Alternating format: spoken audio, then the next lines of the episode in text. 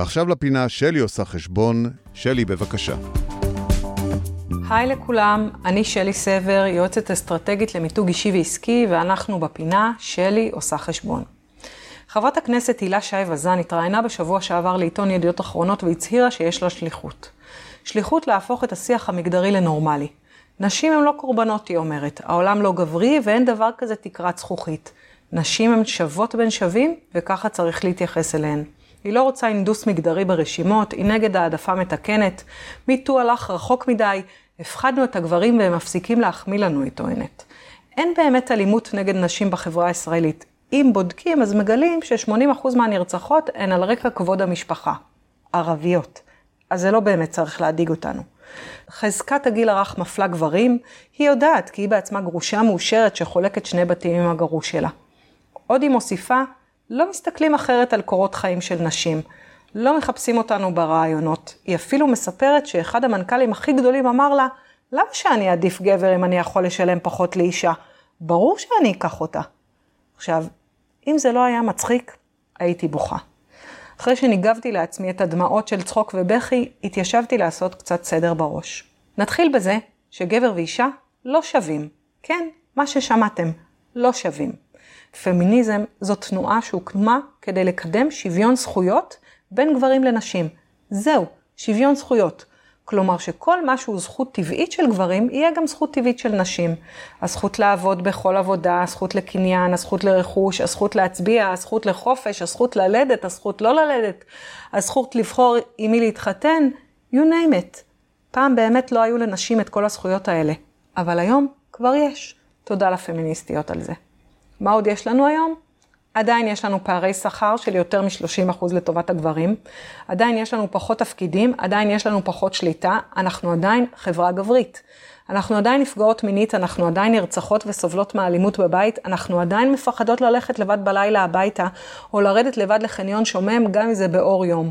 אנחנו עדיין מפוטרות יותר, עדיין חוששות לספר לבוס או לבוסית כשאנחנו בהיריון, עדיין מתקשות לתכנן גם את הקריירה וגם את המשפחה. אבל היום, בניגוד לעבר, אנחנו היום הרוב. חלקנו באוכלוסייה גדול משל הגברים רק באחוז אחד. מעט, אבל עדיין יותר.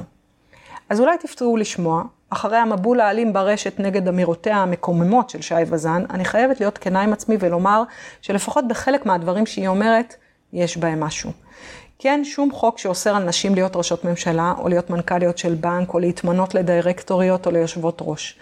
זה לא נמנע מאיתנו בגלל ספר החוקים. החסם הוא תרבותי, חברתי. כל מה שהיה לנשים לומר על דבריה של חברת הכנסת כבר נאמר. אני בוחרת להתייחס לדבר אחד קטן אבל משמעותי שהיא אמרה. שי וזן מציעה שאם נחשוב שאין תקרת זכוכית, אז היא תיעלם. במידה מסוימת היא צודקת. יש מצב שאם נדבר יותר על מה שהשגנו, זה יחזק אותנו יותר מלדבר על מה שעוד לא.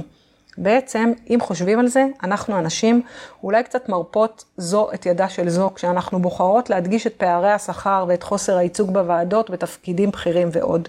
הדרך הכי טובה לדיכוי היא לדבר על כמה שבלתי אפשרי להצליח, ואז מי שמצליחות הן בודדות ששום דבר לא יעצור אותן גם ככה. אז בואו נדבר יותר על מי שהצליחה. שבכל בית בישראל ישמעו את השמות של הסטארטאפיסטיות שעשו אקזיט, שיהיו יותר כתבות על טייסות בחיל האוויר, על נשים לוחמות, על מנכ"ליות של חברות גדולות, על שופטות, על גנרליות, על נשים מצליחות מרוויחות, עליהן נדבר והרבה. נשמע קצת new uh, age י, רוחני, לא יודעת, אולי נחשוב טוב, יהיה טוב. זה לא אומר שצריך להפסיק להיאבק, כן, זה עדיין מאבק לצערי. להיאבק על זכותנו להרוויח את אותו השכר, להיות נוכחות בכל מקום, בפוליטיקה, בבריאות, בתקשורת, בכלכלה, בהייטק, בלואו-טק, בכל מקום. זה בעיקר לא אומר שאם אנחנו נאבקות בשבילנו, אנחנו נגד גברים. להפך, אני מזמינה אתכם להצטרף אלינו, ניקח מכם קצת את עול הפרנסה. שיהיו יותר גברים שמגדלים איתנו את הילדים ולא לידינו. שההורות תהיה יותר שוויונית, ובעיקר שהעובדה שאנחנו המין היפה, המושך והסקסי, לא תעמוד לרעתנו ברחוב שקט או בלילה חשוך. שתפו אותי בדף הפייסבוק שלי עושה חשבון מה חשבתם על הפינה הפעם, אפשר להסכים ואפשר תמיד גם לא. אתם ואתן מוזמנים ומוזמנות להציע לי נושאים לדיון פעמים הבאות ולשתף אם אהבתם. להתראות ובריאות לכולנו.